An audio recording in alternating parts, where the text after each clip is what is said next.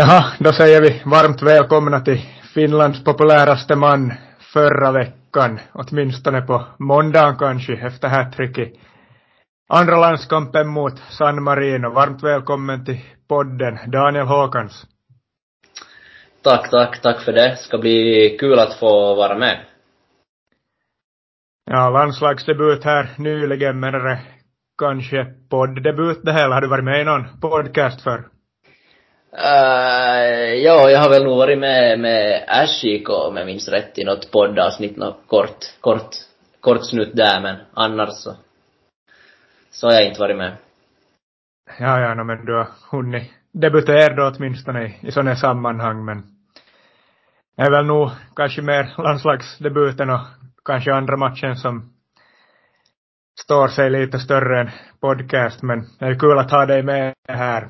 Hur har du hunnit fira efter det här? Du hade väl ledigt hela veckan och ledigt över midsommar, så jag antar att det har varit en ganska bra tid att het Daniel Håkans. Har du landat? Jo, man har väl nog börjat landa nu så smått här i vardagen. Jag är tillbaks i, i, i Oslo nu för tillfället. Men ja, det var nog, det var nog en, en av de där bättre veckorna här som man har gått igenom att, eh, som du sa, eh, landslagsdebut, eh, någonting som som man har drömt om eh, jättelänge och sen så fick man göra några mål där och, och sen fick man också några dagar extra ledigt att vara hemma med med familj och träffa vänner och, och, och så fick man fira midsommar i Finland så att allt är nog riktigt bra för tillfället. Har telefonen gått varm? I måndags gick den väldigt varm. Det, det gjorde den faktiskt, ja. Ja, det är säkert många som vill rycka dig och höra av sig och allt möjligt, men vi ska väl lite gå in på det här landslagsmatcherna sen senare i avsnittet. Vi går igenom din karriär i någon slags kronologisk ordning, men jag vill nog ändå veta här före, eller att du berättar, hur kändes det när du har gjort två mål? Du rinner igenom på friläge, du fintar målvakten och ska lägga in hattricket, men så räddar San Marino backen på mållinjen. Vad tänkte du exakt den sekunden? Ja, alltså då, jag, alltså jag, jag vet inte. Alltså han på något sätt, alltså för det första var det ett väldigt dåligt avslut. Jag försöker sätta den hårt och ganska högt mot, jag vet inte ens vad jag siktade, jag ville bara få in mitt tredje mål men men jag såg att den blev blockad och jag tänkte, tänkte bara att, att, att jag sumpade chansen där och sen på något vänster så, så kom bollen tillbaks ut och så fick jag satt in den så att kanske det var lite meant to be att jag skulle få göra hattrick, jag vet inte. Ja, jag kan. Bra händ, det var säkert skönt när du ändå fick den där andra chansen att slå in den där bollen, men som sagt, vi kommer återkomma till det sen senare i, i avsnittet. Vi börjar här, innan vi går in på din karriär, så börjar vi med några så här korta frågor för att lite måla upp en bild av dig som spelare och lite som människa. Beskriv dig själv som fotbollsspelare. Eh, uh, no, jag är väl en, eh, en, en uh, rätt så snabb, snabb spelare som, som uh, gillar att utmana uh, en mot en och sånt och, och, och så vill vara farlig framåt, skapa chanser, göra mål själv. Uh, och sånt ja, kort, kortfattat, lite sån, sån spelartyp är jag. Yles expert på svenska, Jani Lyski, beskrev dig som en spelare som varje gång man har pratat om dig har snabbheten nämnts. Jag har aldrig pratat om dig utan att snabbheten har nämnts senaste året. Ja, allt som oftast så, så, så är det snabbheten just som nämns, att det är väl kanske en av mina, mina största styrkor, speciellt första, första stegen är väldigt ex explosiva och där, där får jag just oftast ett övertag om jag ska också utmana en mot en att får jag försvararen lite på fel fot så när jag går åt andra hållet så ska du vara väldigt snabb för att hänga med helt enkelt. Ja, den här snabbheten har du dock inte alltid haft. Jag minns ifrån våra tidiga år som lagkamrater. Jag har nog ett ganska starkt minne när jag funderar på saken från det är ungefär tio år sedan en vinter, du hade just kommit till IFK där vi blev lagkamrater och vi blev goda vänner och du var hem hos oss i Singsby en vinterdag. vi var ute där framför gården på en garageplätt och roligt en mot en i snön. Det var inte det bästa underlaget men där fick vi till nå en mot en och det är väl en av ytterst få gånger faktiskt har känt mig underlägsen i, en mot en. Alltså det var nästan omöjligt att ta bollen av dig fast det var snö och vinterkängor på och vinterkläder och svårt som det annars. Jag tycker själv också att jag alltid har varit hyfsat bra på en mot en och speciellt på den tiden men där kände jag mig faktiskt lite underlägsen åtminstone när du hade bollen så hade jag nog svårt att ta den av dig så snabbheten har väl kommit i efterhand men en mot en är väl någonting som du faktiskt alltid har haft otroligt hög nivå på? Uh, ja, som, speciellt som ung så, så gillar jag ju alltid att ha bollen så mycket som möjligt och utmana. Och ibland utmanar jag ju allt för mycket också, att jag skulle gå förbi fyra, fem, sex spelare och sånt men och ja, som jag också som eh, uh, snackar ganska mycket med, med alla möjliga på sistone om när jag blev snabb och, och sånt så att jag vet ju inte då, äh, både ni två som kanske, eller du som jag spelar med och, och William som har kanske följt med oss ganska mycket du var små, så, så inte var jag ju riktigt så snabb då heller i, om vi tänker B-juniorer, första åren i IFK, äh, eh, representationslaget och sånt, att den har just kommit där i, senare i, under SJK-tiden någon gång och, och ja, lite, jag vet inte, jag, jag har haft svårt själv att förklara att när jag blev som på riktigt snabb, att jag har alltid varit kvick första stegen men inte som på samma sätt som, som nu. Och där hör alla som kanske inte har utvecklat någon egenskap i någon viss ålder att det kan gå åtta steg senare och är ju faktiskt kul och när man tänker efter så i efterhand när du har varit hem hos oss och lekt med Benjamin på gården att båda er två har gått upp till olika juniorlandslag och nu har du själv debuterat i A-landslaget är faktiskt häftigt när man ser tillbaks på det. Men vi tar nästa fråga här och då är det så enkelt som, har du något favoritlag eller favoritspelare? Favoritspelare har, har ju alltid varit då Messi. Att det, det, något annat där, dit kan inte jag säga att det har varit alltid. Favoritlag så, så vad heter det, har ju bytt då man var ju yngre, hade man nästan alla Barcelona ett tag och sen i något skede här så hejade jag mycket på Sassuolo också, konstigt nog och, och sånt. Men på sistone så, så vad heter det, följer inte riktigt med som något lag på det sättet att jag kan säga att jag hejar på dem, att jag är väl mer ett fan av bra fotboll nu för tillfället och gillar att se på bra matcher, bra fotboll. Ja, Messi är väl säkert en spelare som, eller som jag vet att du har försökt kopiera mycket i ditt spel, men finns det någon annan och du har försökt hämta några delar av som du har försökt lära dig av? Ja, alltså, man har ju alltid kollat på, eller speciellt jag har ju kollat på YouTube på alla yttrar nästan. Jag försöker lära mig någonting av, av allihop, av de, av de som är på toppnivå, men kanske också Neymar och såna, Hazard, då han var i Chelsea och såna så att, ja, jag försöker hämta så mycket jag kan från, från allihop. Har du något, eller har du haft något favoritlandslag när inte Finland har varit med i fotbollsmästerskap? I VM så är det ju alltid Argentina i alla fall. På grund av Messi då, då förstås. Så i, i EM så, så har jag faktiskt inte haft någon favorit, nej. Har du något favoritmästerskap då? Är det kanske det senaste här nu då Argentina vann eller? Alltså, bäst... Alltså... Alltså, ja, ja, alltså senaste var mycket bra, men jag, spe, speciellt 2010 också, jag vet inte, det har bara lämnat i minne, 2010 VM i Sydafrika, att det, jag vet inte, på något sätt så var det bara speciellt det också, men senaste var också kul att se Messi, Messi vinna. Ö, bästa lag du har spelat mot? Aj, aj, aj. Bra fråga. bästa lag? Måste väl nästan säga Bord och Glimt på den, för jag blivit utspelad av dem några gånger så att Vilken är din, den bästa spelare du har spelat med respektive mot? Eh, med, som jag spelar med, måste väl nog ändå säga Luke eller Teme nu från senast. Att de två är, är väldigt bra spelare och mot uh, vem har man nu spelat mot?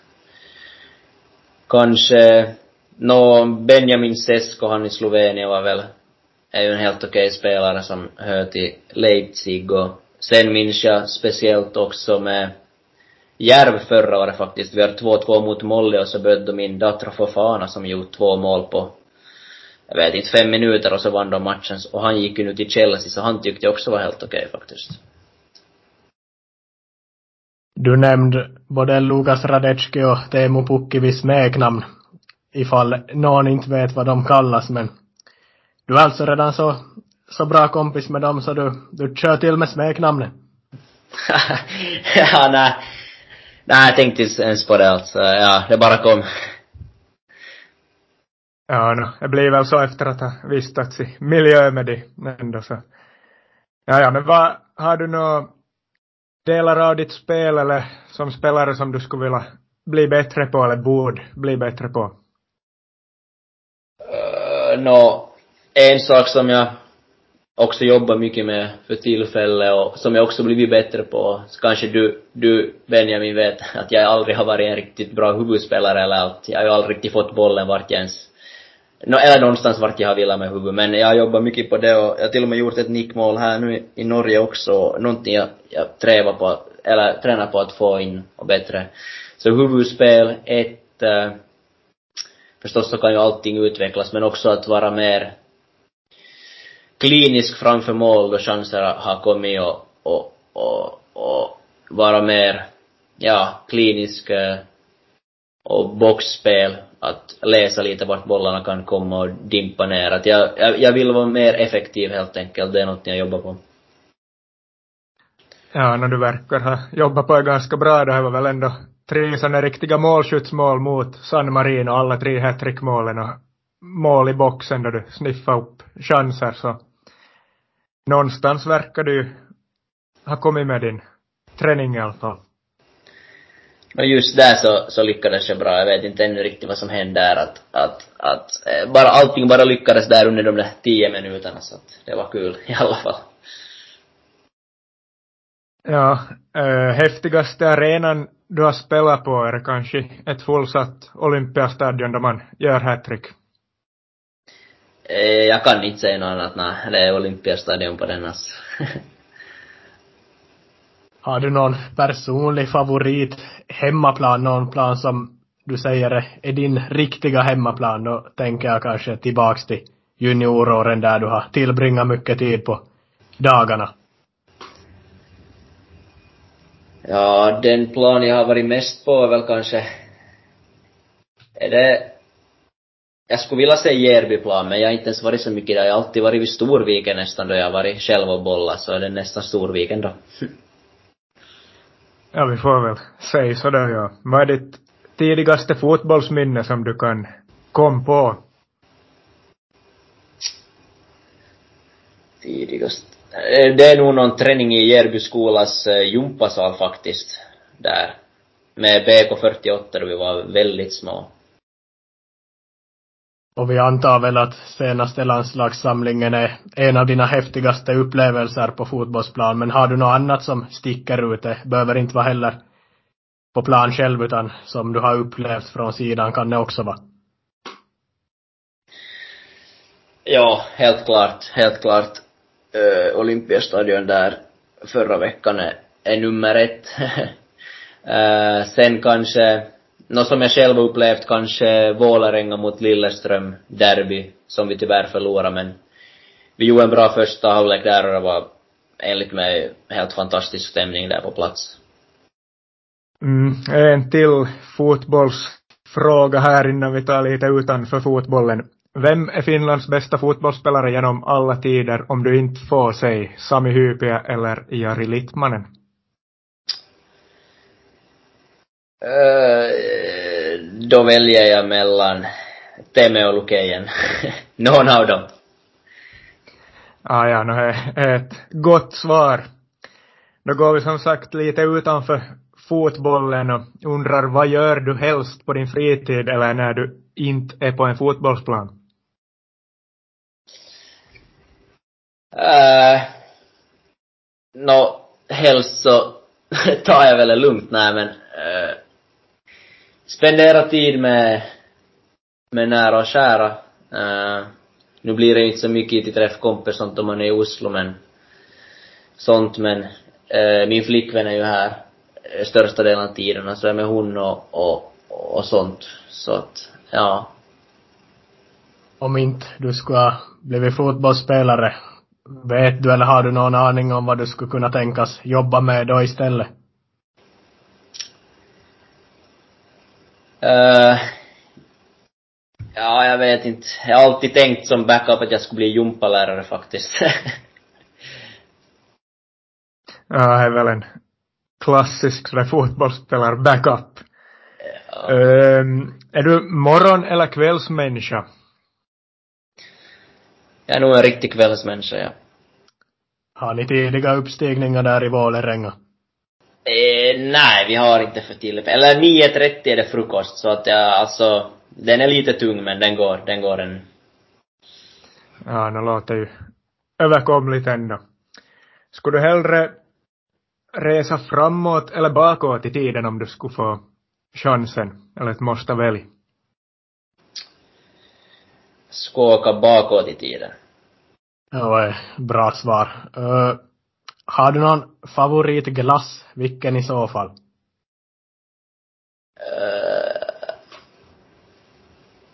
för tillfället så håller jag på med de där, vad heter de, de där sandwich Eh, de där blåa sandwichglassarna. jag vet inte, jag fastnar för dem nu alltså. Puffet ja, ja, heter men de. det är ju, ja, ja, puffet heter det. Nå, ja. då finns det någon sandwich-variant också, allt möjligt, men är goda glassar och gott med glass överlag, men där är vi färdiga med de frågorna då så slänger vi kanske in någon slags jingel här och går vidare ut på din karriär då.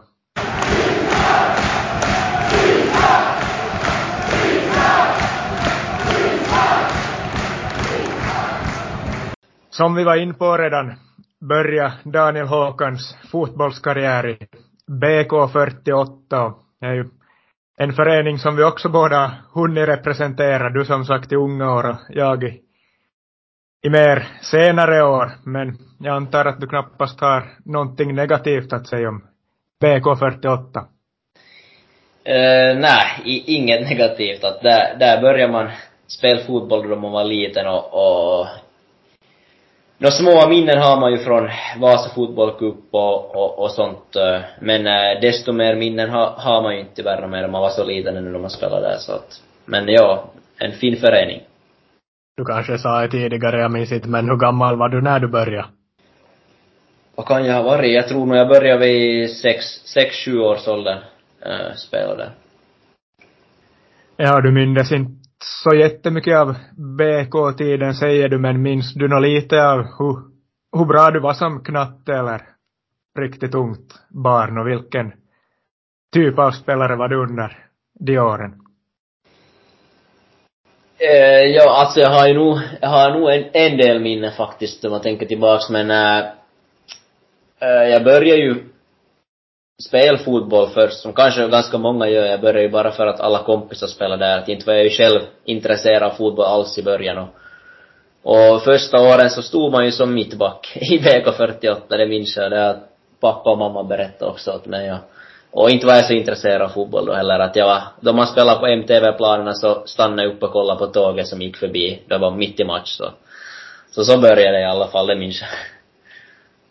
Ja, så du kanske nog inte var någon riktig barnstjärna då. Intressant att du har fått jobb dig upp i planen från att ha varit mittback och nu är någon slags anfallande ytter. Det gick ju tvärtom för mig. Jag var anfallare i början men hamnade ner till mittback. Och har jobbat mig upp lite till mittfältet nu igen men det är intressant hur jag kan gå helt tvärtom från när man börjar spela fotboll någon gång i tiden. Men ja, du lämnar BK för Vasa IFK någon gång skulle ha varit runt 2012, 13 där någon gång så blir vi lagkamrater. Var det för att gå och få en mer kanske seriös satsning där då som du gick till IFK?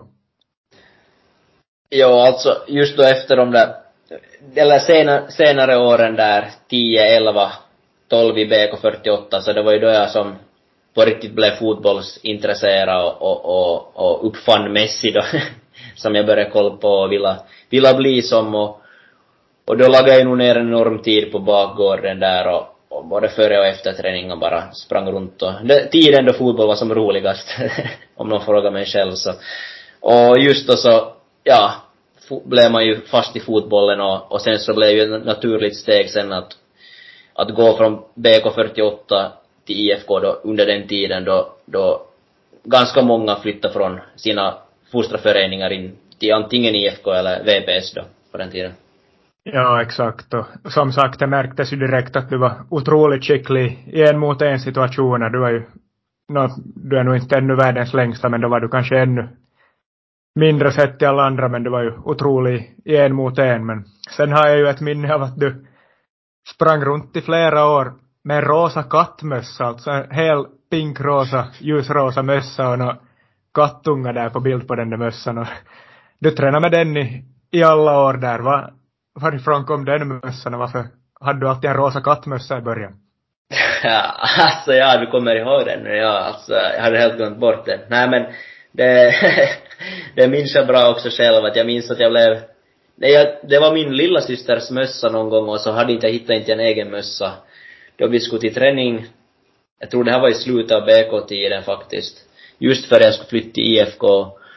Och sen så tyckte väl, var det Hugos pappa, Johan Backa att det var så kul så jag skulle få en glassan om jag vågade ha på den i ett år eller något sånt och så tänkte jag ju att, nej men nu ska jag väl ha en gratis glass nu så. Så sprang du runt med den där mössan då typ i ett år eller något sånt. Du minns inte så mycket av BK-tiden från olika kupper och sånt, men kanske du minns lite mer från Vasa IFK. Har du något minne av några turneringar ni har varit med på eller några särskilda matcher som sticker ut från juniortiden om vi pratar om Vasa IFK? Ja, från Vasa IFK har jag nog betydligt mer, mer minnen och, och jag vet inte, alla de där Kai Palman-turneringarna, de har man ju rätt så mycket minnen av att det var ju fina upplevelser och vi, vi hade ju ett rätt bra lag vi, eh, 0-0, där också så, eh, många yngre var med, som, som Benjamin till exempel och, och ja, dem, och sen så har jag också minnen från att då jag var med med, då jag faktiskt, då jag faktiskt eh, skippat till fara på ett landslagsläger för att få med IFKs 01-födda till, till Gothia Cup. så det, det minns jag också, eller har bra minnen från det. Jo, vi var båda där på, på Gothia Cup. Jag vet faktiskt inte om att du skippade ett landslagsläge för det, men du fick komma med som överårig då vi satsade hårt där. över fina tider, ja. Men, men på tal om juniorlandslag så var du, det var väl så att du var med i första U15 landslagstruppen och matcherna för 00 födda, alltså din årgång. Det är väl enda gången du var med i matcher med landslaget innan det blev sen U21, så det var många år paus där, men vad minns du av att du var med då redan? Ja, ja, stämmer bra. Jag var med då först, första matcherna för, för 00 och, och alltså jag, egentligen har jag, har jag inget minne från de matcherna. Jag minns ingenting. men jag, jag vet bara att jag har ett sånt, eh, vad är det, sånt där lag, eh, lagflagga från Polens U15-landslag då, så jag fick som med hem från den resan. Men av matcherna så har jag faktiskt inget minne. Eh, men jag minns att jag var där då tillsammans med William Rosenlöv i alla fall, men självaste lägret och sånt så har jag ingenting faktiskt som jag minns därifrån. Det är ju lite speciellt att du inte minns något faktiskt. Ni spelade väl mot Polen och Slovakien borde ha varit. Men jag ville Rosenlöv var med där och jag har sett någon bild här nyligen tror jag var juniorlandslagstränaren Teemu Eskola som lagade uppe på Twitter på dig kort som bara var och sen Ville Rosenlöv, han är ju lagkamrat till oss han också sen tidigare och han målvakt nästan två meter så är ganska häftig bild på då. Han är nästan två meter och du är halva hand där då efter någon av de här matcherna så är väl ett sånt där speciellt minne att se tillbaks på ändå.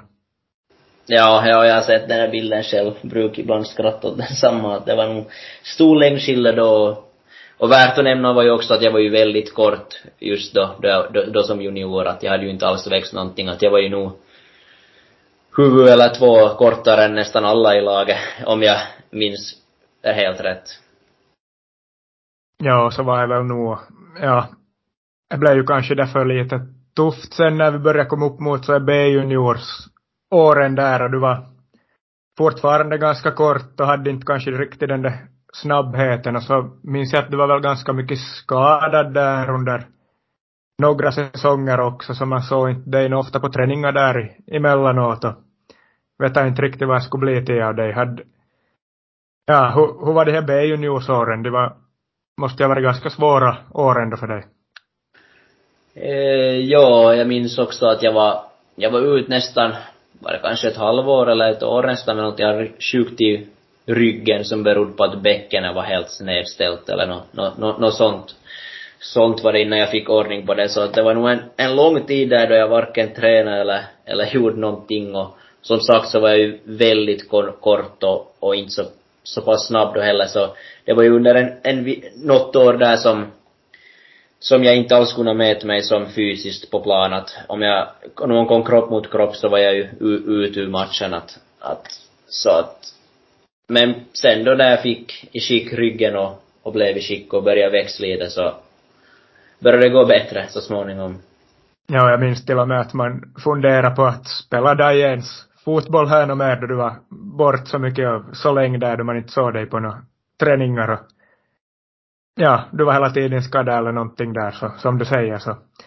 Ja, men sen fick du som sagt ordning på de besvären och det är väl 2017 där någon gång du började träna regelbundet med första laget i, i Vasa IFK och sen 2018 säsongen började du väl också spel som ordinarie i, i startelvan och ja, du var ju fortfarande rätt så liten i växten men är ändå seniorfotboll så hur, hur var steget upp där och hur, hur klarade du dig där? Jag minns du var ganska mycket på centralt mittfält också där den där 2018 säsongen.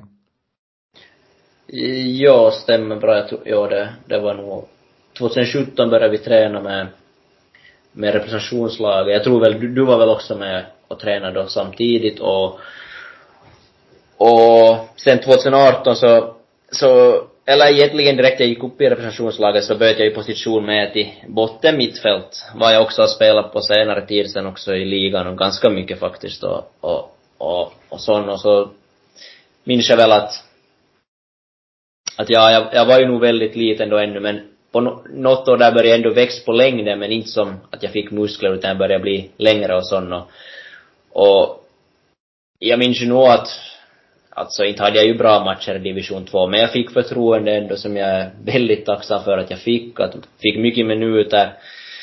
Där fast jag inte enligt mig själv presterade någonting egentligen, att jag vet, jag tyckte jag hade så många dåliga matcher och sånt, men det var ändå värdefulla minuter som jag fick och, och som gjorde att jag helt klart växt som spelare och sen också kunna sen i ett senare skede gå till SJKs akademilag också.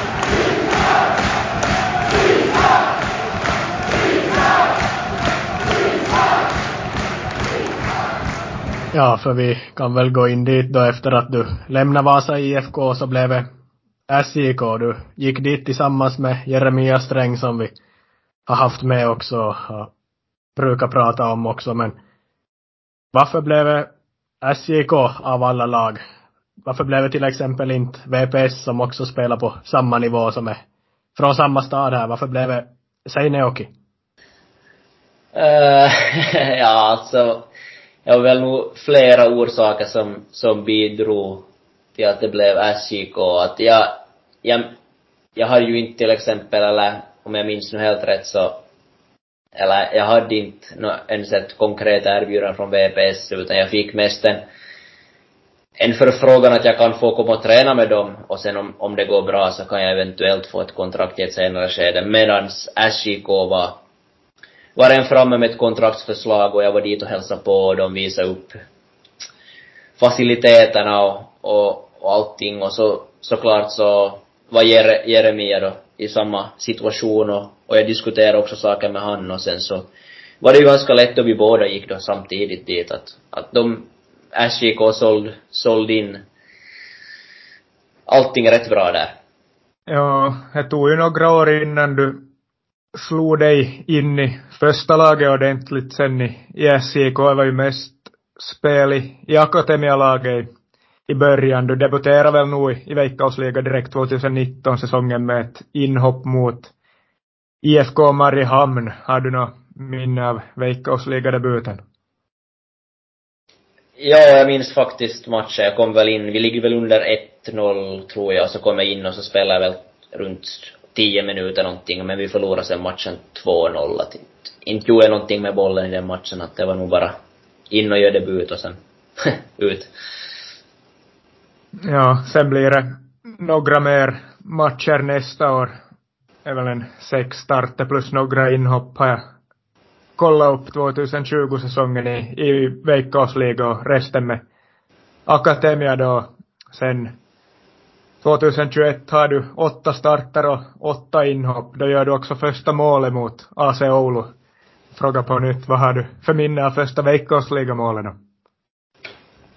Äh, första veckosligamålet var ju ett av de där finare. Det var ju ett långskott utanför, utanför boxen och så tror jag också att det var 3-2 målet i ganska slut, slutskede av matchen så att det målet minns jag väldigt väl och det var ett fint, fint mål också.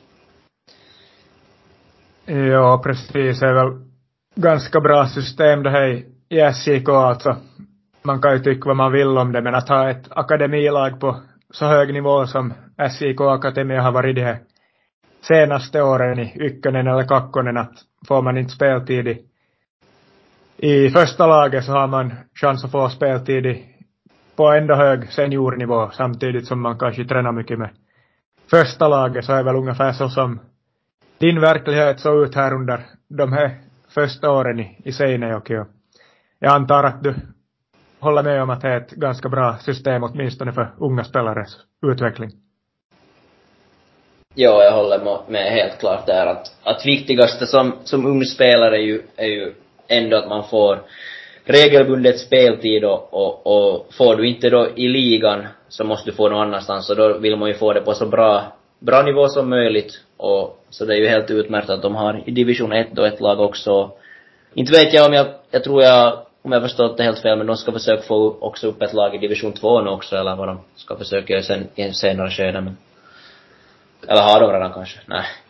Ja, no de leder väl serien, eller hur är det i, i min division 3-serie här så går det ganska bra för deras SJK Akademia 2-lag, så det är väl på, på god väg mot division 2 åtminstone. Ja, så sen då kanske då om de vinner den så har de ett lag i division 2, ett i division 1 och ett i ligan, så då är det nog som att då är det nog ett, ett, ett väldigt bra jobb de har gjort uh, när de vill nu också, som de har sagt på sistone, att de vill vara en, en klubb som som uh, ger unga chansen och, och sen eventuellt hjälpa dem att ta ett steg vidare i karriären utomlands eller då någon annanstans. Och ett bra jobb gjorde du också under de här säsongerna som Benjamin just räknade upp så det blev fler och fler framträdanden och, och bättre för varje år och, och här i ett skede så ringde U-landslaget igen, U21-landslaget och du blev, hade imponerat och blev uttagen dit. Vad minns du av att bli kallad till U21-landslaget?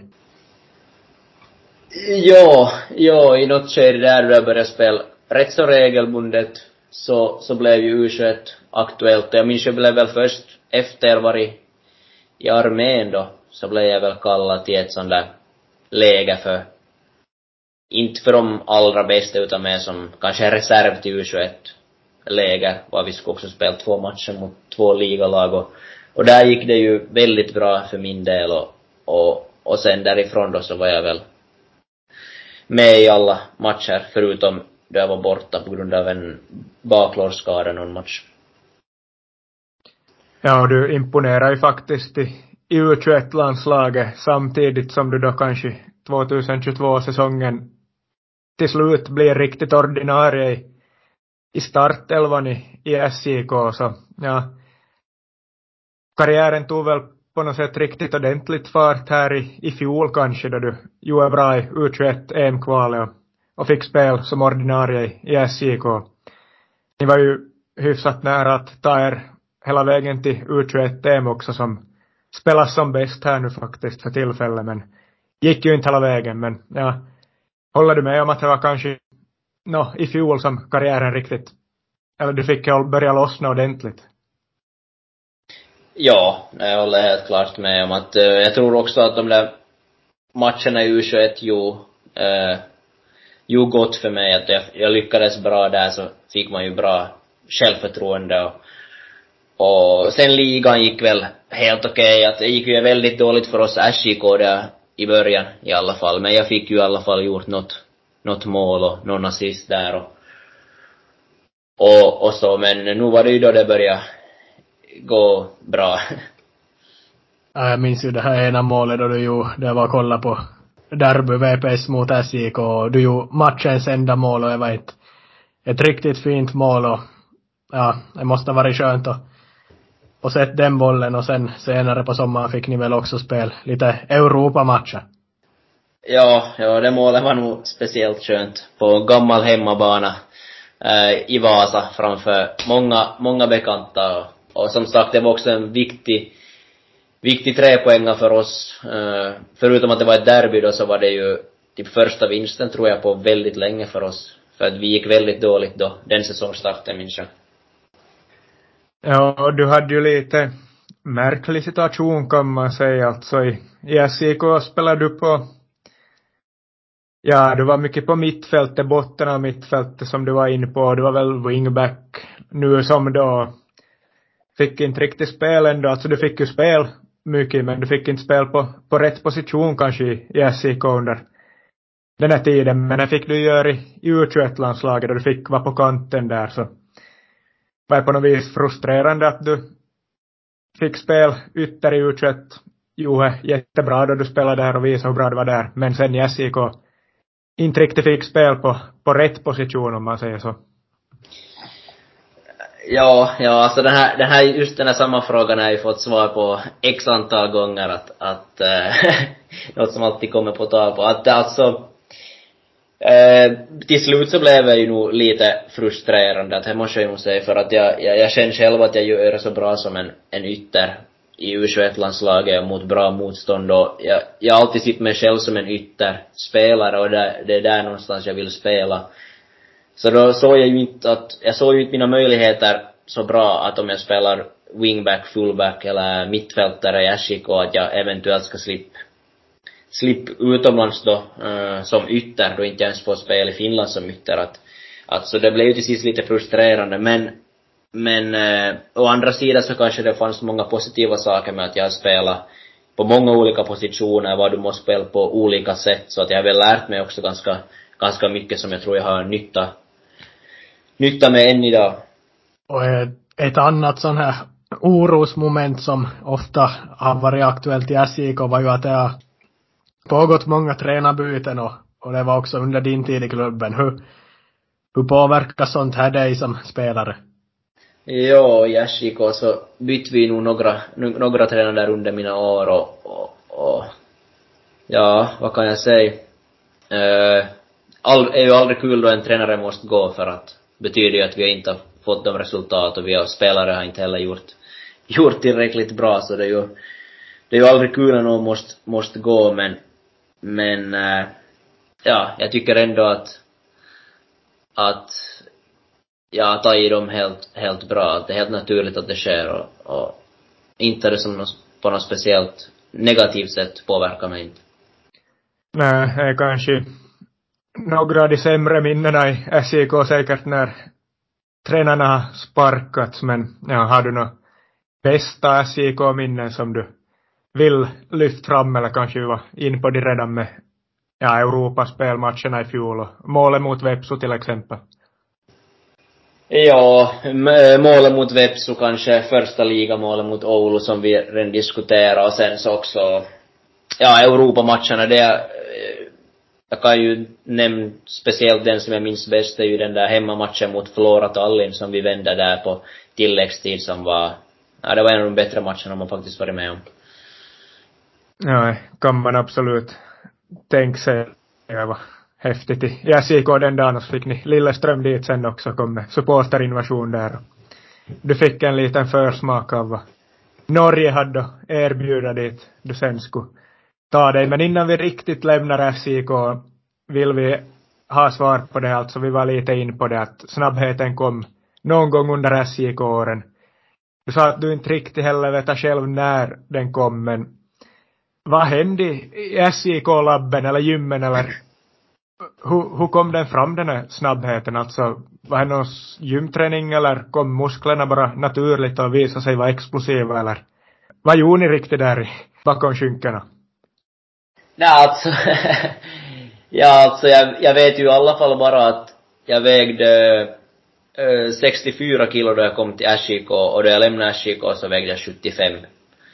Så det har ju kommit 10 kilo extra äh, under tiden i SJK och och vad heter det, ja, vad kan jag säga, jag, jag, vet, jag vet att jag behöver bli, att jag, eller jag vill bli snabb, explosiv för att ha mer fördel på plan och så att jag har ju nog själv lagat ner en, en enorm del träning i gymmet och just mest fokus på på explosivitet med olika plyometrics och hopp och allt möjligt sånt. Så att nu har jag ju lagat ner en enorm del gymträning på det och, och ja,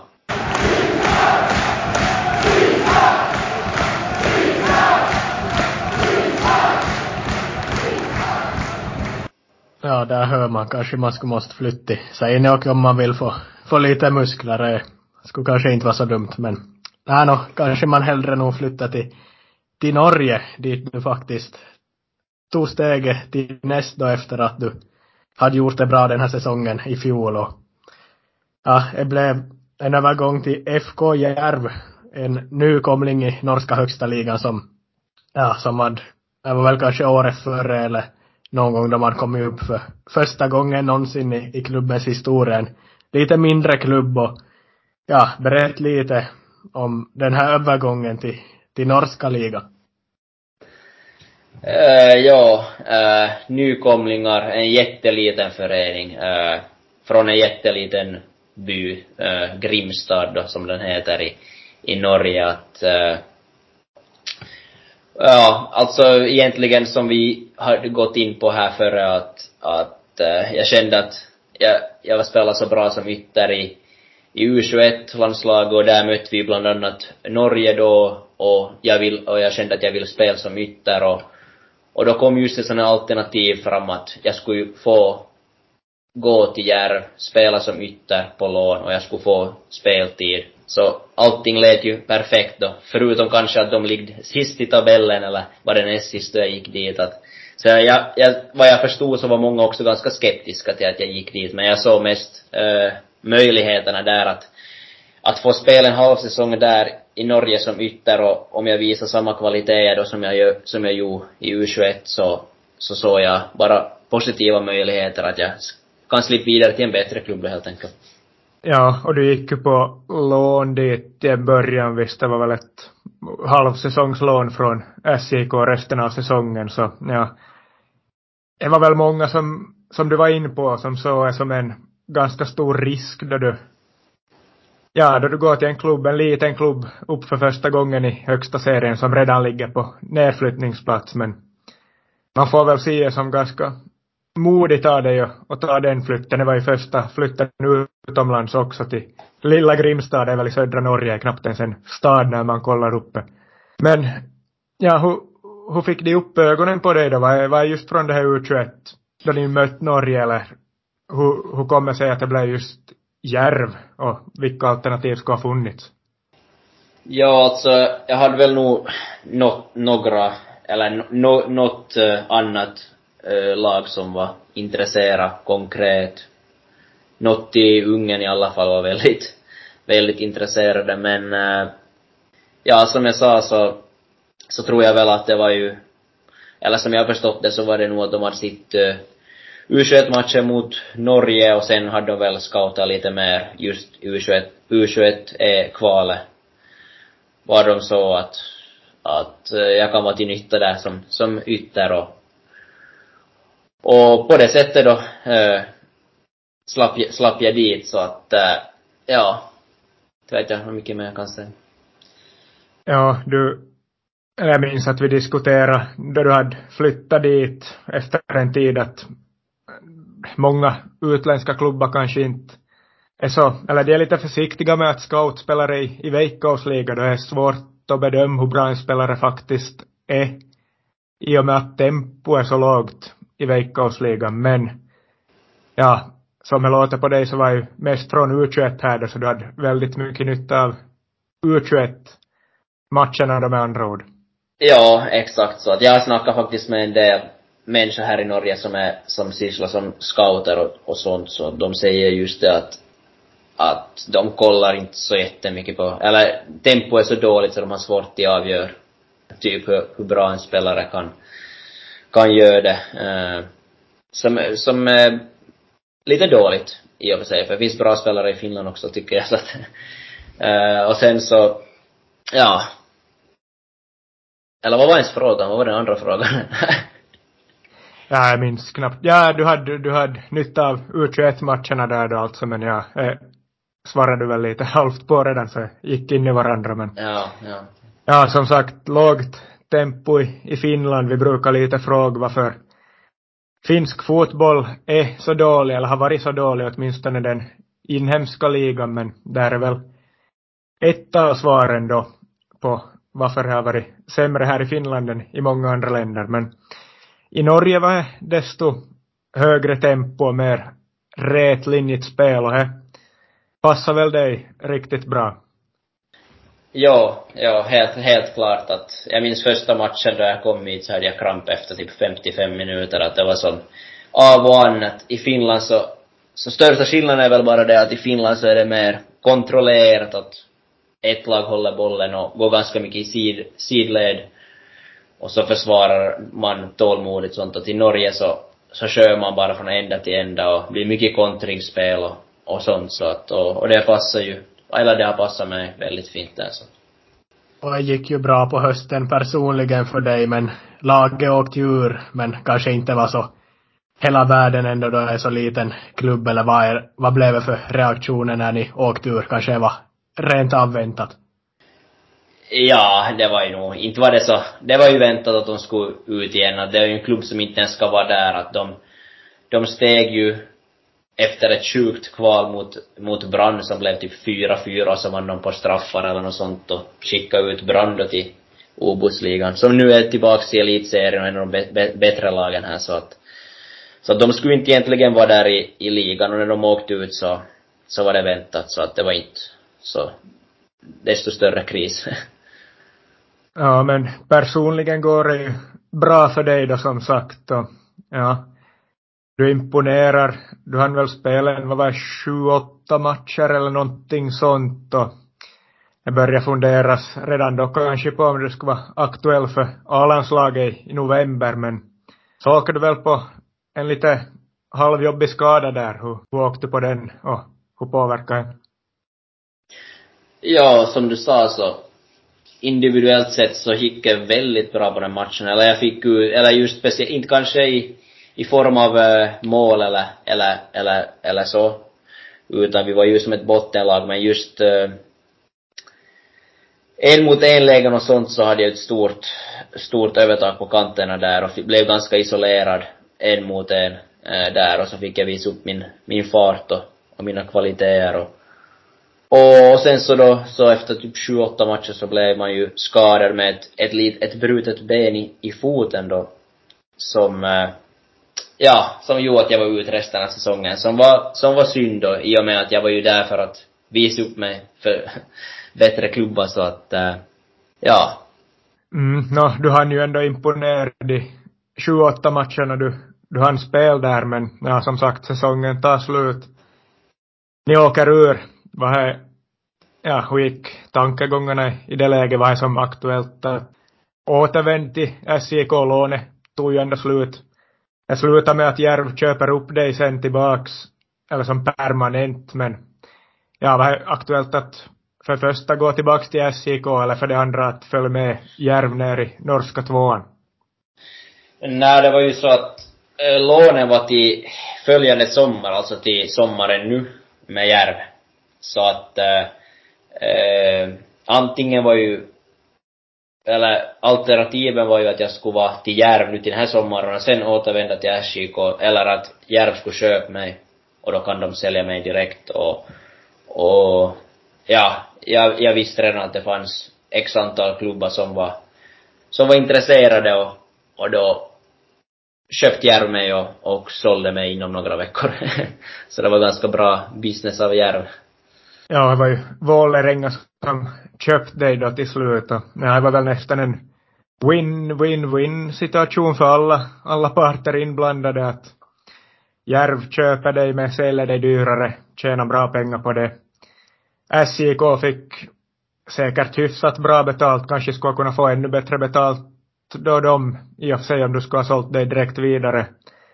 Och Järv, eller vad heter det, Vålerenga får en, en bra spelare och du får en, en bra klubb att gå till. Ja, som du sa, jag tror att det var bra, bra för allihop att, att just äh, SJK fick väl fick väl sälja en ung spelare utomlands nu som är en del av deras, vad de, eller vad de vill göra. Uh, och sen Järv då gjorde ju ett väldigt bra, en väldigt bra affär där att köpa mig och sälja mig inom några veckor och, och nu är man här i Vålerenga då. Hur pass större var intresse kring dig när, alltså under vintern, om man jämför med ett halvår tidigare när du gick till Järv? Nå, no, det var nog väldigt mycket större. Det, var, det spelar nog stor roll att, att, att sju matcher i, i norska högsta ligan betyder som trippelt mer än 40 matcher i veckosliga i princip. Men då, i och för sig så har jag ju inte spelat, jag, i veckosliga spelar jag ju på lite andra positioner också så lite svårt att jämföra men nog var ju intresse helt annat. Ja, kan man väl ändå på något vis förstå. Det fanns, jag minns det ryktades om till exempel allsvenska toppklubbar, norska toppklubbar förstås. Ja, alltså mi, mitt tankesätt var väl, är väl bara att äh, att äh, jag ville gå till, jag ville helst stanna kvar i Norge tänkte jag för att jag kom så bra in i, i ligan och, och sättet de spelar på. Och då ville jag gå till en, till, till en en bättre klubb helt enkelt inom Norge som, som var jag också så att det fanns bra potential att få de här viktiga minuterna. Och då kan vi ju säga för sådana som inte har lika bra koll att Vålerenga är ju en av Nordens största klubbar, en av Norges största klubbar, en av Norges, Norges kanske allra mest följda klubb. Jättebra fans, jätte, jättemycket liv på läktaren och jättestort intresse kring klubben så det måste ju ha varit en, en rejäl uh, omställning från lilla Grimstad med FK Järv att flytta till Oslo och spela för huvudstadens stolthet. Ja, helt klart att du märker, di, märker direkt att det, här, här följer man med klubben på ett helt annat sätt och, och som du sa, uh, väldigt bra supportrar har vi. Uh, stor klubb från Oslo. Så att, äh, ja, det är stor kontrast från, från Järvi i alla fall.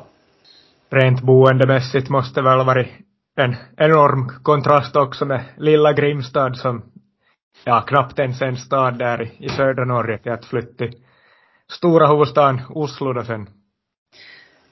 Ja, men å andra sidan Grimstad var väldigt sån uh, sommarby vet du, den var väldigt fin på sommaren, mycket turister där och sånt. Men sen på vintern så var det helt dött, att då såg du knappt en människa går där ute.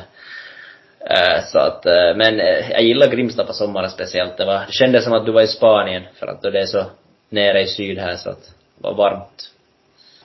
Ja, jag kan tänka mig att det är ganska fint det jag såg nog några bilder där. Jag kan tänka mig också att det är ganska bra faciliteter där i, i Vålerenga. Jag har ju sett er arena och kan tänka mig att det är helt annat än vad ni hade i Lilla Järvo säkert bättre än vad ni hade i SIK också. Hur är det i den vardagliga träningsmiljön i, i Vålerenga?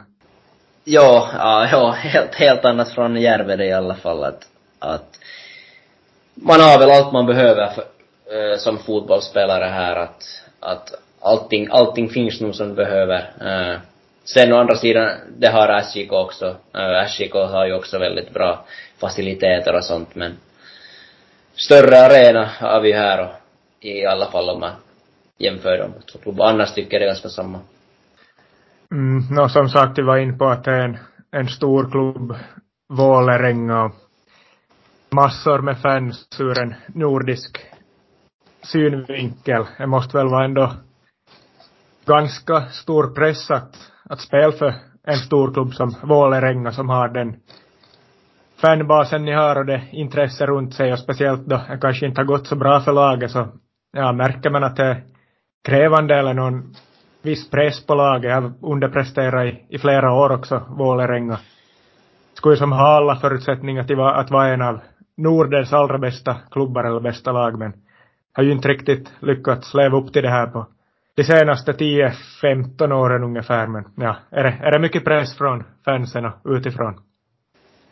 Ja, som, som du säger att, att äh, de har, det har inte lyckats här på väldigt lång tid och det har inte heller lyckats äh, i år alls. Äh, ganska samma i år som de spelade här förra året och, och och nu märks det äh, på, på supportrarna att de är missnöjda och med all rätt skulle jag nästan säga också att de, de förtjänar ett bättre lag nästan skulle jag vilja påstå men annars personligen så så tar jag väl inte så mycket större, större press. Alltså jag gör mitt bästa och, och, och, och spelar och, och försöker ge, ge allt för klubben och men tyvärr så har det inte gått så bra. Eh, så det är någonting vi får jobba på nu då, framåt. Beskriv klanen eller de andra supportergrupperingarna i Vålerenga överlag för, för sådana som inte vet hur, hurdana fans är och hur, hur häftigt är det att spela inför dem? Ja, alltså de är ju, de är väldigt högljudda. Ja, de är nog kanske det bästa jag spelar framför hittills att, att, eller det är det bästa jag spelar framför hittills att väldigt högljudda och fast det har gått dåligt så, så är de ändå och supportrar oss en hel match igenom och, och ja, de är väldigt bra helt enkelt. Ja, bra har ändå gått för dig själv eller hyfsat. Du har gjort tre mål och någon assist.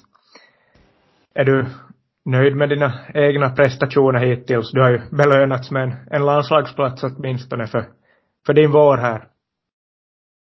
Um, ja, bo, både ja och nej. Att jag är, okej, okay, jag är så helt okej okay, nöjd att jag har ju fått gjort något mål och, och någon passning där till ett mål som du sa, men skulle likväl kunna vara några fler där att jag har ju missat väldigt bra, bra lägen också och sen tycker jag spelmässigt att, att jag nästan var snäppet vassare då jag spelade i Järva att, att men som sagt, jag, spelmässigt har det ju gått dåligt för hela laget i princip, att det har varit ganska knackigt. Så att äh, där finns det mycket att jobba på ännu.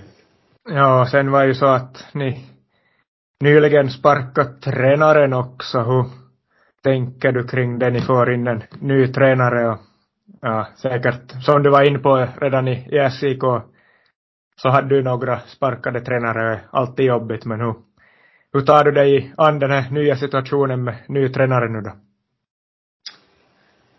Eh, ja, ja, som, som det bruk, som det, som det är i fotbollsvärlden, att då det, resultaten inte kommer så sker det oftast en förändring och, och nu, nu fick tränaren gå och ja, jag har ju bara varit tillbaks här nu i, i två dagar och andra tränarna tar, har ju tagit över nu för tillfället så att, ja, svår situation men det är ju bara nu att, att eh, försöka vända, vända på det här och börja få resultat, det är så viktigast. Försök få upp energinivån och, och, och nå de där bättre resultaten. Och sen får vi se då här vem som, vem som kommer som tränare. Det vet, det vet vi ju inte ännu heller så att spännande tider här framöver. Finns det nå, eller det finns ju såklart men kan du beskriva lite skillnaderna i fotbollskulturen Finland gentemot Norge?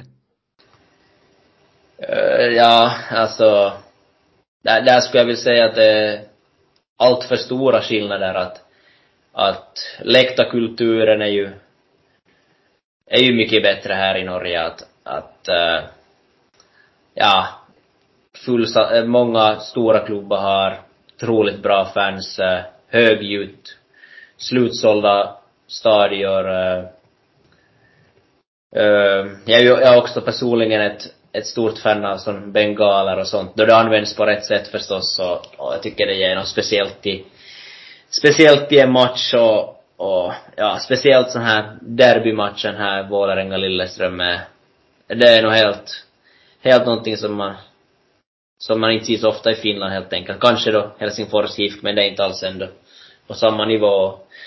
Sen eh, så är det generellt sett också kring matcherna, eh, media kring matcherna och intresse kring matcherna, det är mycket större än, än om man spelar i, i veckans liga. Speciellt, eller till exempel då man far på bortamatch eller man går i stan här då det är matchdag. Så om du får gå, och gå, gå på bortamatch någonstans så när du kommer till en ny stad så om det är matchdag så har alla ut flaggorna på, på liksom det laget de hejar på då också. Du märker att det är match i stan. Var om jag har varit då, kanske där jag spelar i seniorhockey, så att om du går i, i centrum på matchdag så inte vet du knappt om det är match idag eller inte.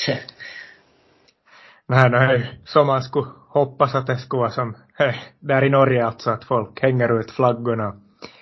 Det här 16 maj har man ju lärt sig här på sistone att en ganska så stor fotbollsdag i Norge.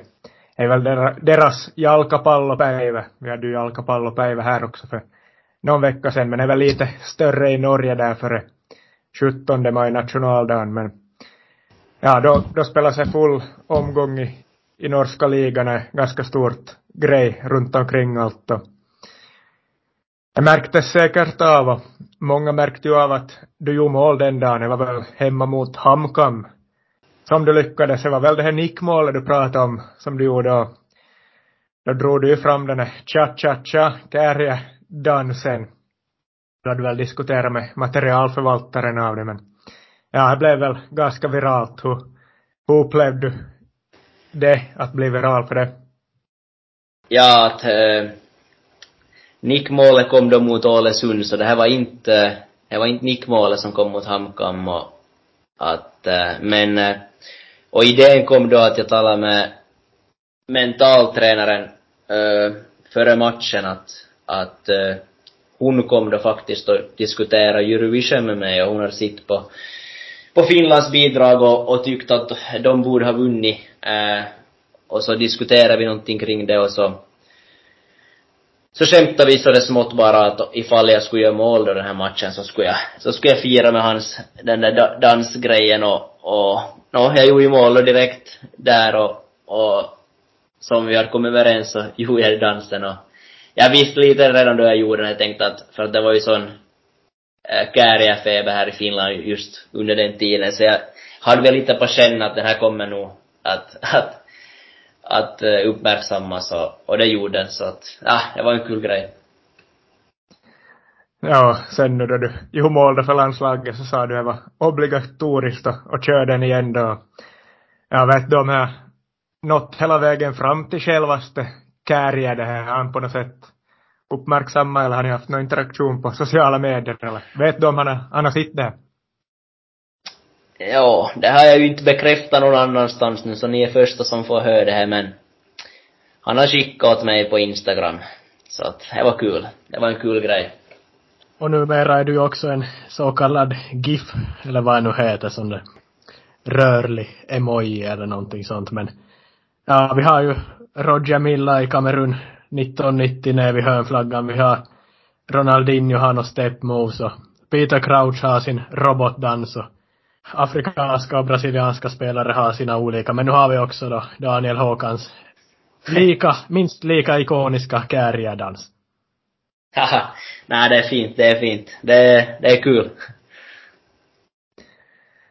Ja, no, vi ska väl snart börja söka oss in mot landslaget, men jag undrar ännu att, ja, du sa både Glimt svåraste laget du har spelat mot, eller bästa laget du har spelat mot, och så nämnde du att det var speciellt att spela mot Lilleström också. Är det några andra speciella matcher som finns i Norge, typ Brann eller Rosenborg eller eller någon annan match som du tycker har varit lite extra häftig?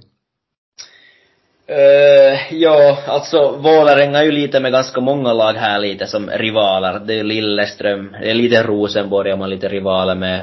Också Brann är man lite rivaler med från ganska långt tillbaks tiden att storklubbar sinsemellan ganska mycket rivalitet att, att Uh, sen speciellt var väl kanske då, uh, var det för två runder sedan i, i kuppen då vi mötte Lyn. Så det är sen gammalt ett stort uh, rivalderby som e-, egentligen ska vara som större än, än Lilleström. Så vi mötte en division 2-klubb och det var, ja, hela klanen var där på deras bortabana och sen ställde Lyn också upp med några hundra de också, och vet du. Och sen då vi vann matchen så stormades ju plan av, av klanen och ja, det var, det var en speciell match. Ja, Lynn är ju också från Oslo men de har ju gått i konkurs för några år sedan och, och därför har, har, ja, man har tappat det här stadsderby som en gång i tiden fanns och Mattias Almeida spelar ju till och med i Lund, märkligt nog en gång i tiden men jag måste ännu säga det här, de som inte vet, är bara att gå in på youtube och, och söka upp Vålerengas inmarsch, eller man har ju flera sånger men det är Vålerenga kärke, Vålerenga kyrkan eller vad det nu översätts då, att det är nog en av fotbollsvärldens vackraste klubbsånger måste jag säga. Uh, ja, den är speciell. Alltså speciellt uh, kan, man, kan jag ju nämna att eh, uh, Vålerenga-Lilleström, då det är full stadion då, då Vålerenga-Kärke kommer på, och i princip båda lång, långsidorna då, vår kortsida, alla sjunger för fullt och sen speciellt då då, då, då låten tar slut men de fortsätter ändå på de där sista verserna, att det mäktigt där. Man får lite gåshud då just före domaren blåser igång matchen. Ja, jag instämmer om att det är en av fotbollsvärldens bästa inmarschlåtar, så jag kan tänka mig att det är rysningar. Ja. Vad har du då för lagkamrater? Vad har du? Har du några bästa lagkamrater, eller vad ska man säga? Vem är bäst i laget? Utom Daniel Håkans. Vem ska man hålla ögonen på lite extra ifall man ser då Vålerenga spelar eller eventuellt i framtiden? Nå no, hit skulle jag ju vilja, skulle jag vilja nämna eh, han som eh, just gick till Celtic nu för några dagar sedan. Odin Tiago Holm, alltså ung, ung mittfältare. En av de mest tekniska jag har sett och ja, han är ju en stor talang och har varit ryktad att gå till många storklubbar i i alla europeiska toppligor och nu, nu gick han då för några dagar sedan som sagt till Celtic så han kan jag ju inte säga något mer nu då, men han skulle jag ha sagt om han ännu skulle vara här men ja, ja, han, han, han vill jag ändå säga. Innan vi lämnar Norge och Vålerenga, ta bara kort och beskriv hur, hur går en vanlig dag till i, om man är fotbollsproffs i Norge, om vi inte har match utan är bara en, en vanlig dag med träningar. Hur, ta oss igenom en sån dag kort från början till slut? Uh, ja, en vanlig dag är väl kortfattat sånt att 9.30 har vi frukost. Efter det har vi en tid ledigt då vissa går och sover. Vi har ett sånt där rum var, är som sängar. Så får vissa sova då, ta det lugnt efter frukosten. Låt maten smälta. Sen har vi lite möten och sånt och vi går igenom träningar och sånt. Sen är det väl bara ut och, och kör en, en träning och beroende på dagen då eller hur kort tid det är till matchen så kan man eventuellt ha en gym på eftermiddagen eller rakt efter träningen. Men om vi bara har en träning så är det väl efter träningen bara att, att, att duscha och, och gå och äta och sen, sen är man klar. Kanske överlag hårdare, eller tränas hårdare eller mer i Norge eller hur skulle du jämföra med, med Finland? Eh, alltså, inte skulle jag vilja påstå att vi, alltså jag tycker vi tränar mera som 11 mot 11 vad man gjorde i Finland. Nu kan jag ju inte säga för jag har ju bara spelat i SJK så det kanske bara är där att inte vet jag hur andra lag gör men men ganska mycket spel försöker vi alltid få in men eh, de har nog ganska bra koll på på hur mycket vi springer och hur mycket vi ska få springa eh, beroende på vilken dag det är och när kommande matcher så att Ja, sen nu till slut kanske är lättare med språket i Norge än vad det var i, i SJK. Kanske norskan enklare än, än finskan eller hur, hur har du det med språken där, norska vs finska? Ja, alltså själv vill jag ju påstå att på sistone så har finskan börjat bli som, så pass bra att jag, jag klarar alltid kommunicera rätt okej okay på den faktiskt. Att I början var jag nog väldigt åtgärdsskick och det eh, får jag nog säga. Men ja, som sagt, eh, norskan är ju nästan samma som svenskan. Att det är några ord där som du måste förstå så, så behärskar du ju språket och, och jag talar nog bara mitt vanliga svenska med dem och de säger de förstår allt hur bra som helst och jag förstår deras norska så det, det har gått väldigt lätt. Väldigt lätt. Jag måste ännu fråga där då du sa att efter frukosten så har ni ett rum där ni går och vissa går och sover. Är du en av dem som går och, och sover? Nej, jag är faktiskt inte en av dem. För att då, då jag väl har kommit upp på morgonen eh, och ätit frukost så då är jag inte trött efter det mer och så så gillar inte att ta en nap sådär tidigt in på träning för att jag känner att jag blir som lite seg eller som så.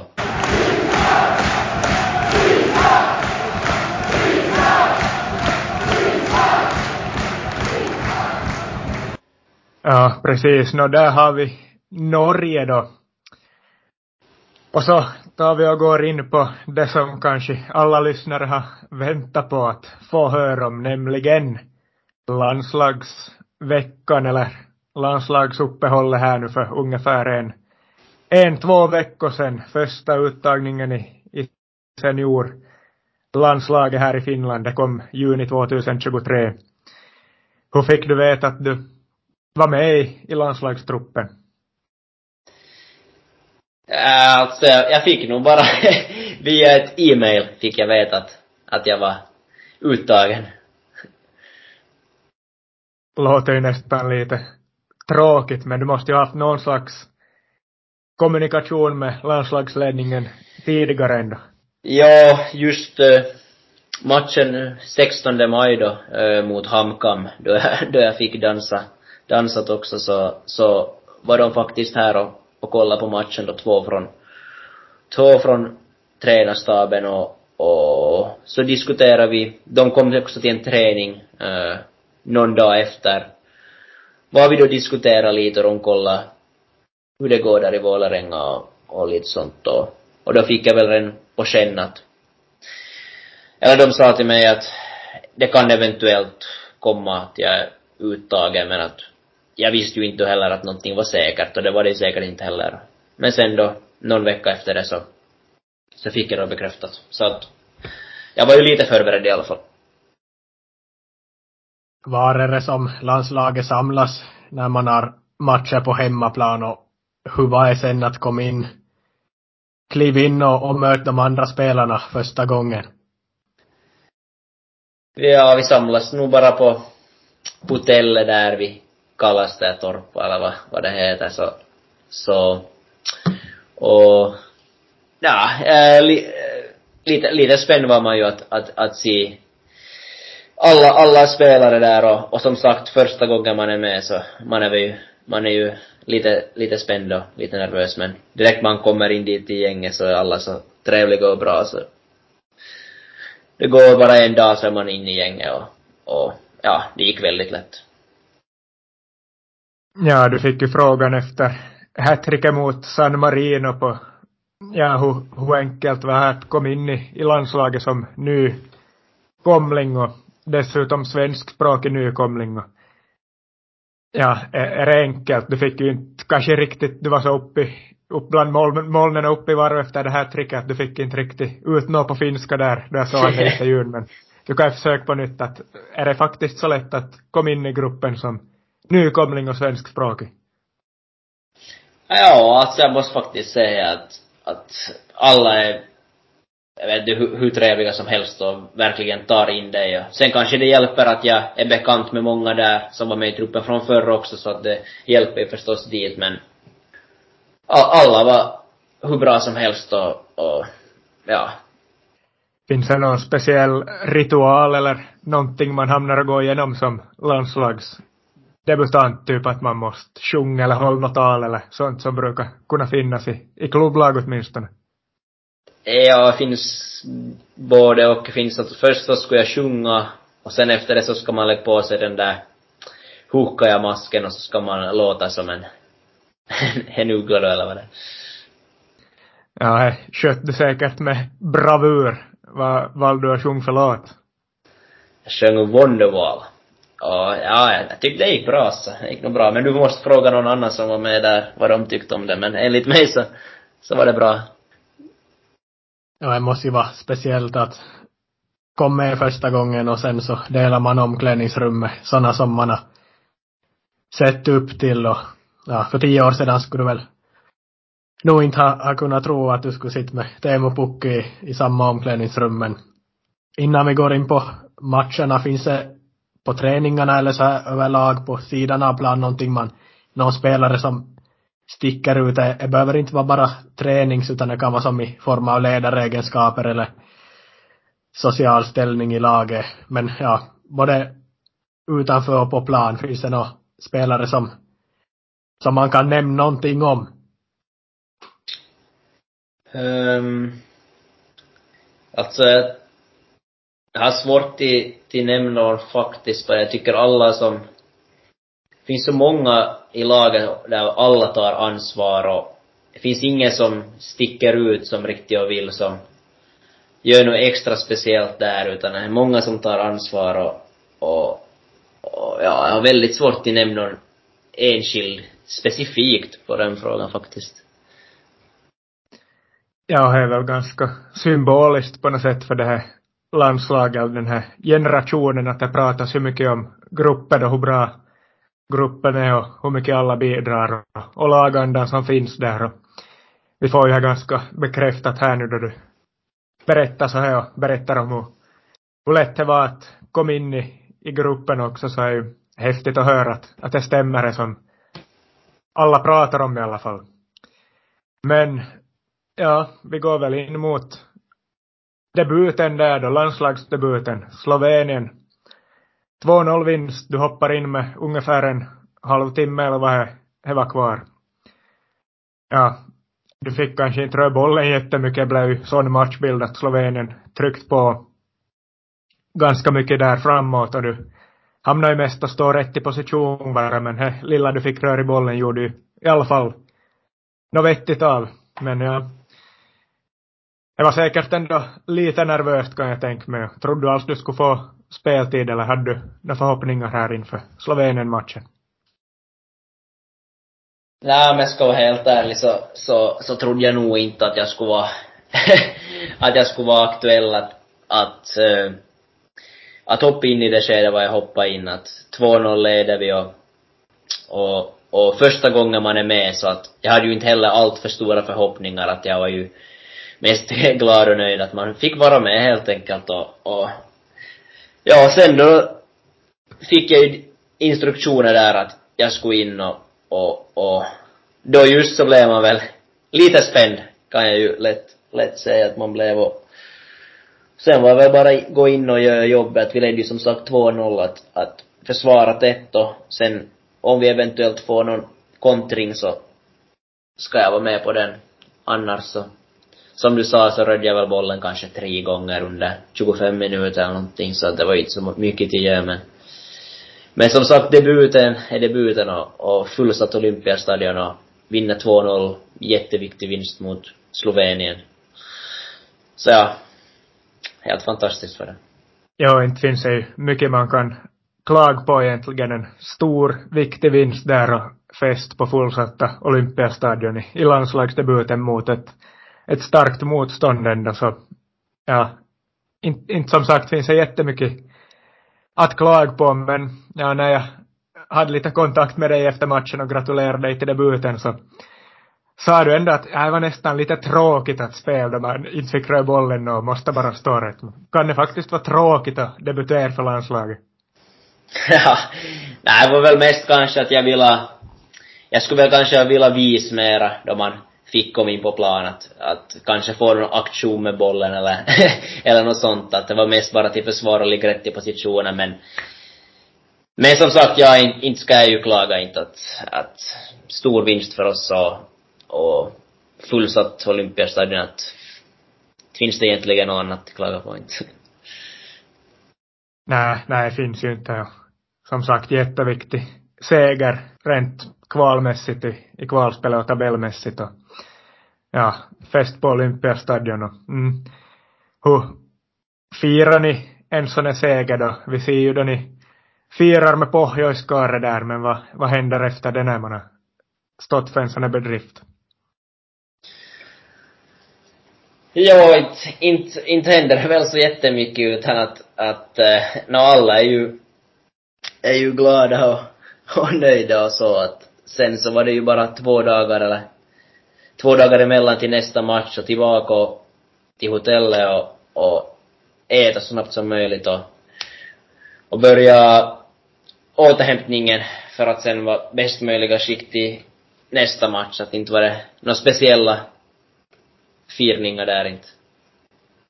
Ja, lite bastu körde ni väl ändå? Bastun var nog på, för de som ville. Det var nog helt klart.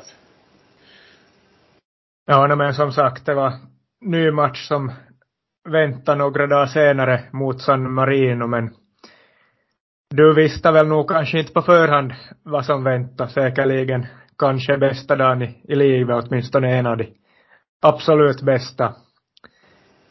Ja, du hoppades väl åtminstone på roligare minuter då om vi säger så. Kanske till och med ett mål inför den matchen.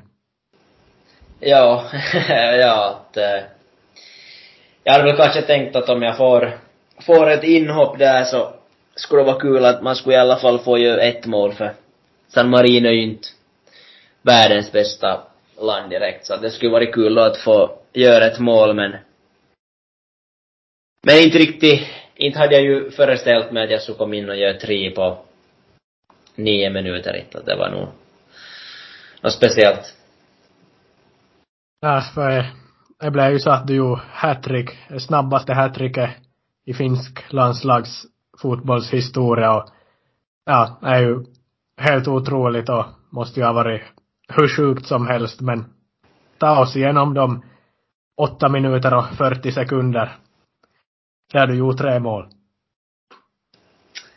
Ja, det började väl med att, att, att jag minns inte var det Teme som kom in i banan och jag gjorde en löpning Eh, in i bakrummet bakom och, och sen så tappade han bollen men en, deras mittfältare skulle väl typ passa hem bollen någonting och då var jag redo där att, att hugga på den bollen och ganska lätt, lätt avslut bara då målvakten så att målvakten stod helt fel i målet så att äh, lätt avslut på den och andra målet var väl en retur eh, äh, och jag var inne i boxen bara och, och sen tredje målet äh, fin passning av Temedo igen så jag kommer fri mot målet så rundar jag målvakten och sen så är det ju det skedet då man har ett öppet mål nästan och man börjar tänka allt för mycket och tänker vilket ska jag skjuta på vänstra sidan eller högra sidan om han och då blir det högt och mitt, mitt på gubben. Uh, istället så det var ju lite synd och han ju tänkt där då, som vi redan diskuterar alla möjliga scenarion att nu missar jag nog mitt hattrick där och men sen på något vänster så kom bollen tillbaka och tillbaks rullande och då fick jag bara gör bättre avslut på den då och slå in äh, mitt tredje mål och så att, äh, nej, fint.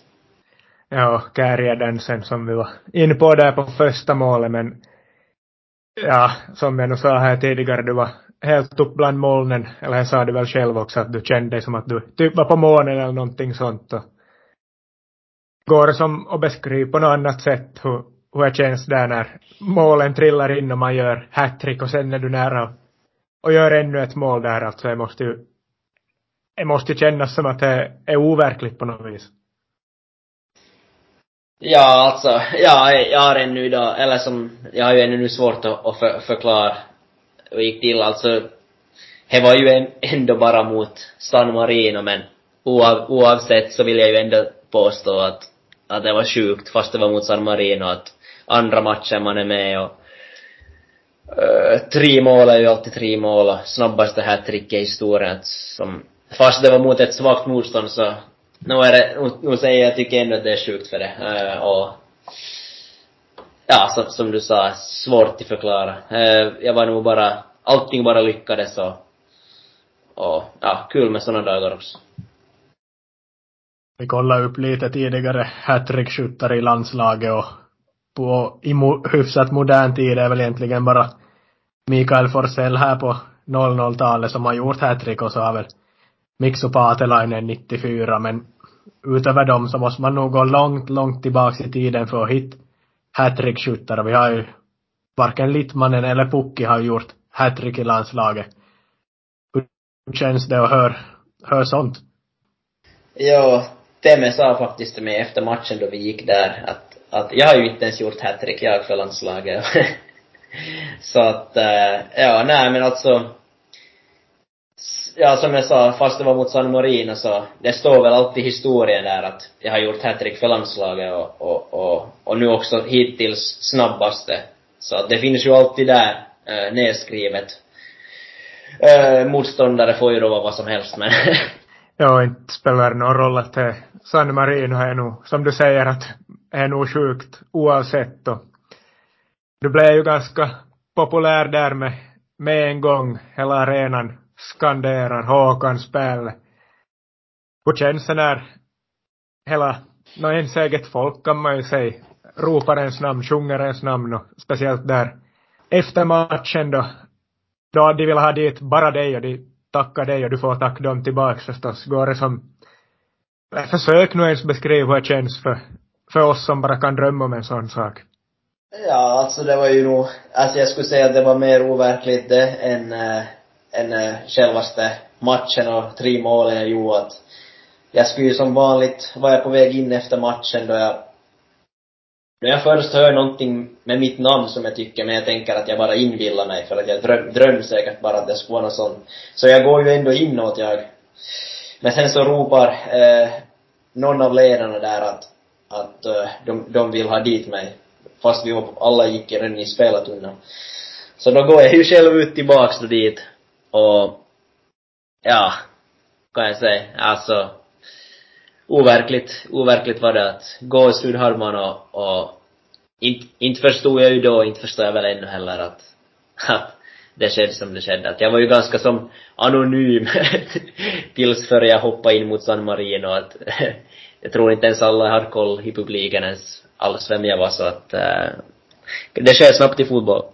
Ja, man kan väl nästan säga att det är ett före efter moment att det finns ett eller en Daniel Håkans före hattricket och så ett Daniel Håkans efter hattricket i andra landskampen. Ja, kan man väl nästan säga, ja. Har du börjat bli mer igenkänd? Nu har jag förvisso bara gått någon vecka men har du märkt det som på gatorna om du har rört dig ut bland folk? Blir du mer igenkänd nu än för någon vecka sedan? Ja, inge, ingenting jag har märkt alls att, att, som sagt jag var ju bara i Vasa någon dag och nu är jag tillbaks i Norge så att ingenting jag har märkt alls.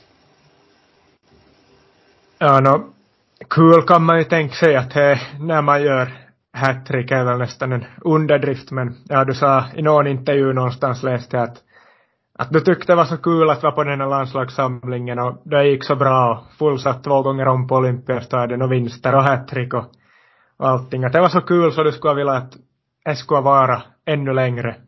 Ja, e, e, är, det som så kul att vara med landslaget faktiskt? Är det som, finns det inget dåligt att säga egentligen?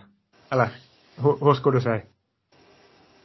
Nå, nu är det ju så nog att jag, jag ska nog vara, jag har nog väldigt svårt, jag kan inte komma på en enda dålig sak att, som vi nu har sagt här flera gånger att eh, två matcher slutsålda, vi vinner båda matcherna och, och det märks som att, känns också som att fotbollen sådär allmänt sett eh, växer för tillfället och är stort i Finland och, och vad heter det, ja, eh, just efter det här tricket där då, man levde ju så, så på månen där så men. Berätt kort om hur Rive Kanerva är som förbundskapten. Um, uh, han, jag tycker han är väldigt bra. Han är väldigt bra på att uh, få en få en grupp att fungera tillsammans. Uh, just lagsammanhållningen har lyckats väldigt bra med. Sen så hur vi går in i alla matcher. Uh, nu har jag ju bara varit med en gång så att uh, vet ju inte alls men nu var ju båda matcherna taktiskt sett väldigt bra utförda. Uh, att ibland kan det ju vara svårt också, till exempel om man möter San Marina som ska vara ett sämre lag, att man kanske inte riktigt är man kanske slarvar lite och inte riktigt är på tårna men jag tycker vi, vi gjorde två professionella matcher där vi dammade av motståndet äh, bra så att nej, jag finns inte något dåligt i sig där heller. Nej, så är det ju nog. Ni, jo, verkligen berömningsvärt, eller vad, vad ska man säga. Det är väl nog bara att fortsätta så i, i resten av kvalet så spelar ni hem en, en andra raka en plats eller hur låter det? Det skulle nog vara någonting här att, äh, att vi har ju många tuffa matcher kvar så att, äh, men äh, om vi skulle ta oss till Tyskland så skulle det nog vara någonting av det, det sjukare man skulle ha upplevt. Kanske kan man någonsin då, när man blickar tillbaks på, på karriären sen i något skede att, att, att få vara en del och att få spela några matcher i ett, i ett kval. Så att, ja. Ja, förhoppningsvis får du i så fall också spela några matcher i ett EM-slutspel. Men eh, får ju tiden utvisa hur det går. Vi håller i alla fall tummarna för dig. Men ja, den här drömveckan här nu och din framfart nå det senaste året, speciellt det här nu då hattrick i landslaget, det måste ju säkert öppna ändå en del ögon, eller ännu mer ögon. Om du får välja fritt, finns det någon drömliga eller något drömlag du någon gång i framtiden skulle vilja spela i? Uh, mm, Nord, drö, alltså drömliga är väl ju en, li, en topp fyra liga har ju alltid varit en dröm, men om jag måste säga någon av dem så har jag alltid varit ett stort fan av, av Serie A och Italien. Uh, så att uh, jag måste väl ändå säga den då. Hur ser då närmsta veckan ut nu då du är tillbaks i Norge? Vad har ni för matcher på kommande? Imorgon faktiskt. Eh, på onsdag så spelar vi cupmatch borta mot eh, Tjordals Blink som är från Trondheim och, och sen på lördag har vi hemmamatch mot Viking. Så att, eh, ja, två matcher direkt. Ja, direkt tillbaks in i, i hetluften, som tur är du med i hetluften och mer än het, du är on fire. För, för tillfället får vi väl ändå säga efter det här så du ska väl nog bara ta med den strålande dagsformen till, till de matcherna och så får vi väl gratulera dig här ännu. En gång till det hattricket och, och landslagsdebuten är, är ju faktiskt helt sjukt och vi förstår att det kan vara, kan vara svårt att ta in hur, hur sjukt det är. Ännu så är en, en och en halv vecka efter men är jävligt stort det du lyckades med förra, förra måndagen och som sagt är några av de största spelarna vi har här i landet har inte ens lyckats med så du ska vara riktigt stolt över den bedriften. Ja, ja, tack, tack för det. Att, äh, ja, som du sa att, att varit svårt att, att helt förstå att, att fast det nu varit bara mot San Marino så det finns ju ändå där det där och nu har man debuterat och gjort mål för sitt land och det är ju någonting som man som liten drömde om.